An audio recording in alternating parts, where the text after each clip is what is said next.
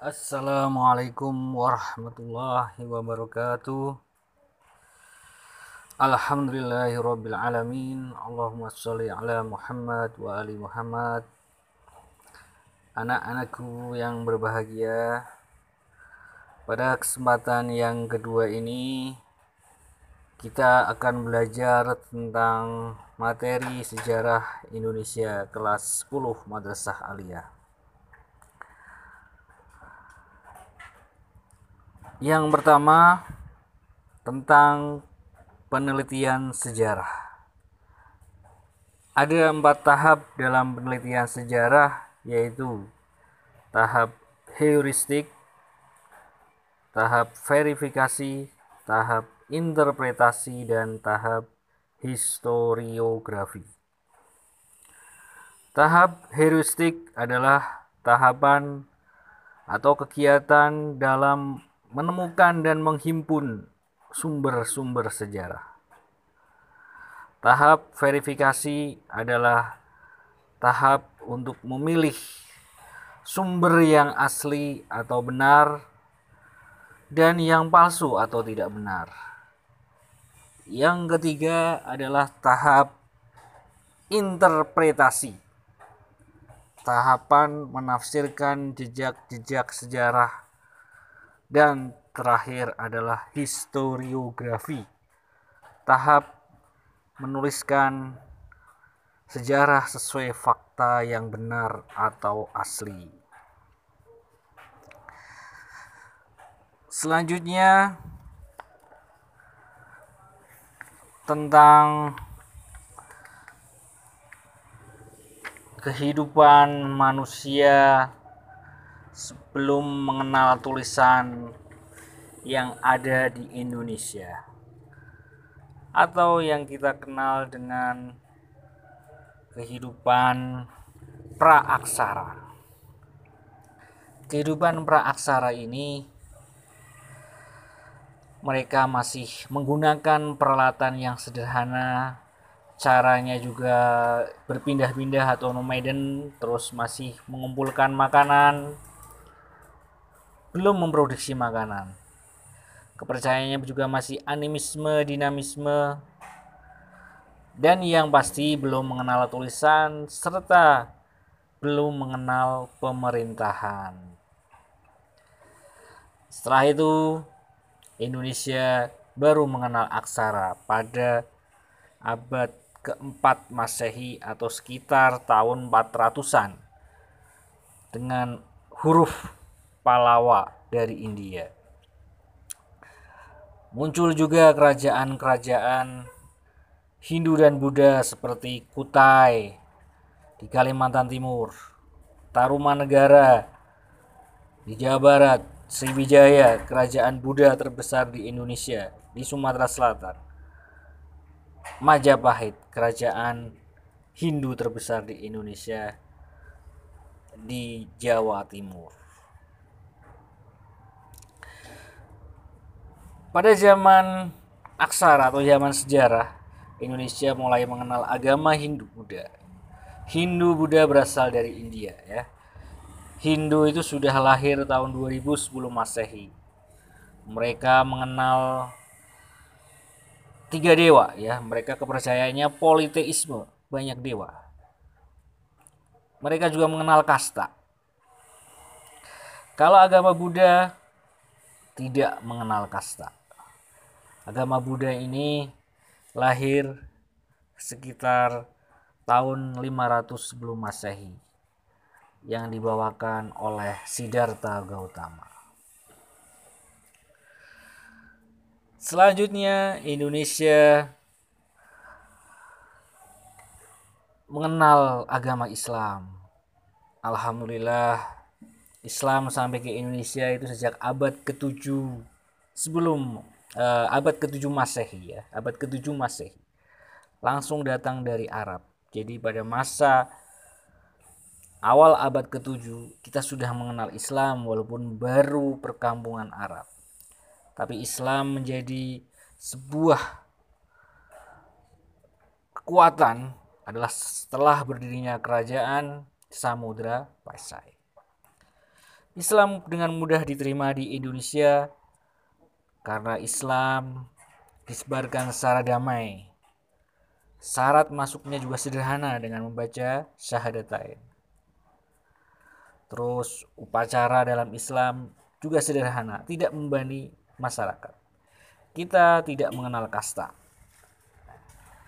Dan kondisi kerajaan Hindu Buddha di Indonesia sudah mengalami kemunduran. Maka lahirlah kerajaan-kerajaan Islam yang pertama adalah Samudra Pasai di Aceh ya, Sumatera. Terus di Jawa lahir Demak juga Mataram yang bertahan sampai sekarang. Di Sunda kecil ya. Ada Bima di Nusa Tenggara Barat. Di Kalimantan ada Kerajaan Banjar.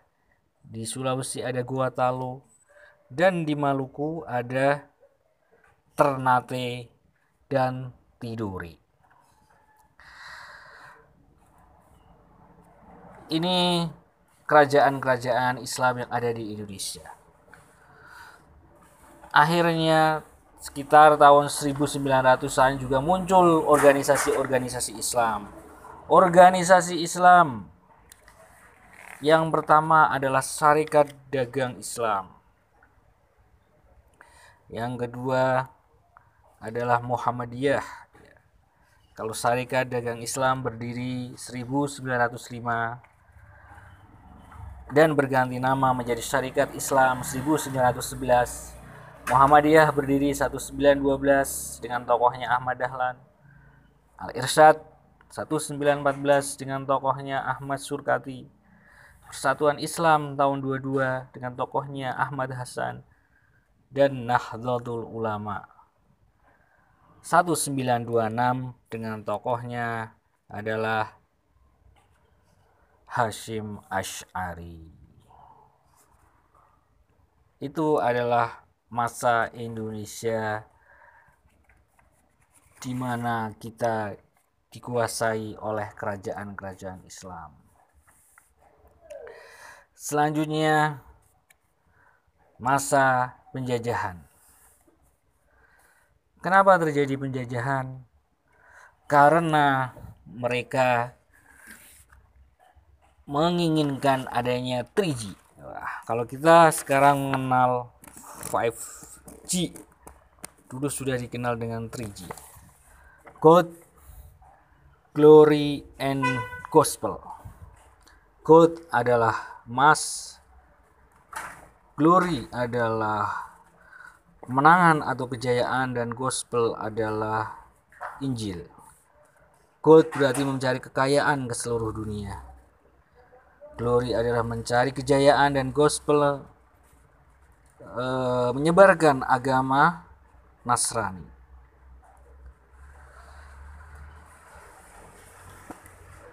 Uh, penjajah-penjajah di dunia ini di antaranya adalah yang pertama adalah Portugis dan Spanyol. Kalau dua negara ini lebih kepada gospel, walaupun glory-nya juga mereka menginginkan tapi gospel lebih karena setiap negara yang dikuasai Portugis dan Spanyol akhirnya menjadi Katolik. Contohnya di Maluku, Timur Leste, di Brasil itu yang dijajah oleh Portugis. Yang dijajah Spanyol contohnya Filipina dan negara-negara di Amerika Selatan. Portugis pertama kali melakukan penjelasan samudera dengan tokohnya adalah Bartolomeu Dias, Vasco da Gama, dan Alfonso de Albuquerque. Sedangkan Spanyol tokohnya adalah Columbus, Hernan Cortes, dan Miguel Hans Cano yang akhirnya mengelilingi dunia pada tahun 1519 sampai 1522. Selanjutnya ada Glory. Glory ini adalah negara Inggris. Mereka ingin berjaya di dunia, bahkan Inggris menjadi imperium terbesar di dunia zaman modern.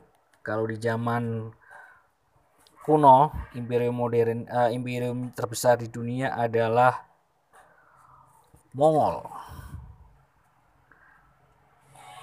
Inggris berhasil mengelilingi dunia juga dengan tokohnya François Drake dan James Cook ya sekitar tahun 1577 sampai 1580. Dan penjelajah samudra yang selanjutnya adalah Belanda dengan tokohnya Cornelis de Houtman yang sampai di Indonesia pada tahun 1596.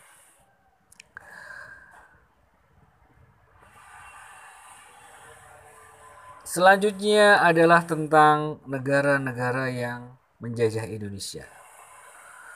Yang pertama adalah Portugis, tetapi hanya menguasai Maluku, Maluku Utara, dan Timur Leste. Yang kedua adalah Spanyol, menguasai juga sebagian Maluku Utara dan Sulawesi Utara. Nomor tiga adalah VOC, VOC ini Verenigd Oost Indies Company Belanda yang menguasai Indonesia sekitar 200 tahun VOC ini. Mereka melakukan monopoli perdagangan, melakukan politik divide et impera atau dudumba, juga bisa membuat tentara, membuat mata uang, dan membuat perang dan damai. Tokohnya adalah gubernurnya Peter Booth dan gubernur di Batavia namanya Jan Peterson Kun. Tapi akhirnya VOC dibubarkan karena terjadi korupsi. Selanjutnya Indonesia dijajah oleh Prancis. Prancis Kenapa dijajah oleh Prancis? Karena Belanda dikuasai oleh Prancis di bawah Napoleon Bonaparte. Akhirnya Prancis mengirimkan gubernurnya namanya Gendes yang membangun jalan raya Anyer Panarukan. Pada tahun berikutnya yaitu 1811 sampai 1816 Indonesia dijajah oleh Inggris dengan gubernurnya Thomas Stanford Raffles yang Thomas Stanford Raffles ini membuat Istana Bogor, Kebun Raya Bogor dan membuat buku History of Java serta Bunga Rafflesia Arnoldi. 1816 sampai 1942 kita dijajah oleh Belanda. Kalau tadi VOC, sekarang kerajaan Belanda. Mengapa? Karena Inggris menyerahkan lagi Indonesia kepada Belanda setelah Inggris mengalahkan Prancis.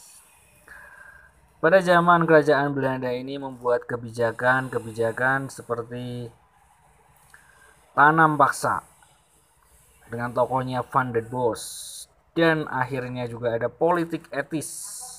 Politik etis ini politik balas budi di mana Belanda karena merasa bersalah ya sebagian orang-orangnya akhirnya mengadakan politik balas budi yang berisi migrasi perpindahan penduduk, irigasi, sarana pengairan dan edukasi pendidikan. Akhirnya kita mengenal sekolah-sekolah di Indonesia ya, ada HIS, ada Mulo, ada MS, ada Stovia, dan sebagainya. Dan terakhir kita dijajah oleh Jepang. Jepang berhasil mengalahkan Belanda tahun 42 tepatnya 8 Maret dan akhirnya Belanda mengadakan kebijakan-kebijakan di antaranya membuat 10 karisidenan, membuat kabupaten-kabupaten, membuat kawedanan, membuat kecamatan, kelurahan, serta RT RW atau tonari gumi. Mereka juga membentuk Dewan Pertimbangan Pusat, mengadakan kerja paksa Romusa, membuat tentara peta ada juga HIHU, ada polisi Kaibundan, ada Hizbullah, pasukan pemuda Islam, dan juga ada organisasi umat Islam namanya Masyumi, Majelis Suro Muslimin Indonesia. Nah, ini di antara kebijakan-kebijakan Jepang. Akhirnya Alhamdulillah pada 17 Agustus 45 kita bisa merdeka walaupun secara de jure karena faktanya Belanda baru meninggalkan Indonesia setelah perjanjian konferensi meja bundar 27 Desember 49. Jadi kita baru benar-benar merdeka secara de facto adalah Desember 49. Dan akhirnya nanti kita menjadi anggota PBB September 50. Nah, dengan menjadi anggota PBB, Indonesia benar-benar menjadi negara yang diakui di dunia internasional dan kita bisa berkiprah di dunia internasional.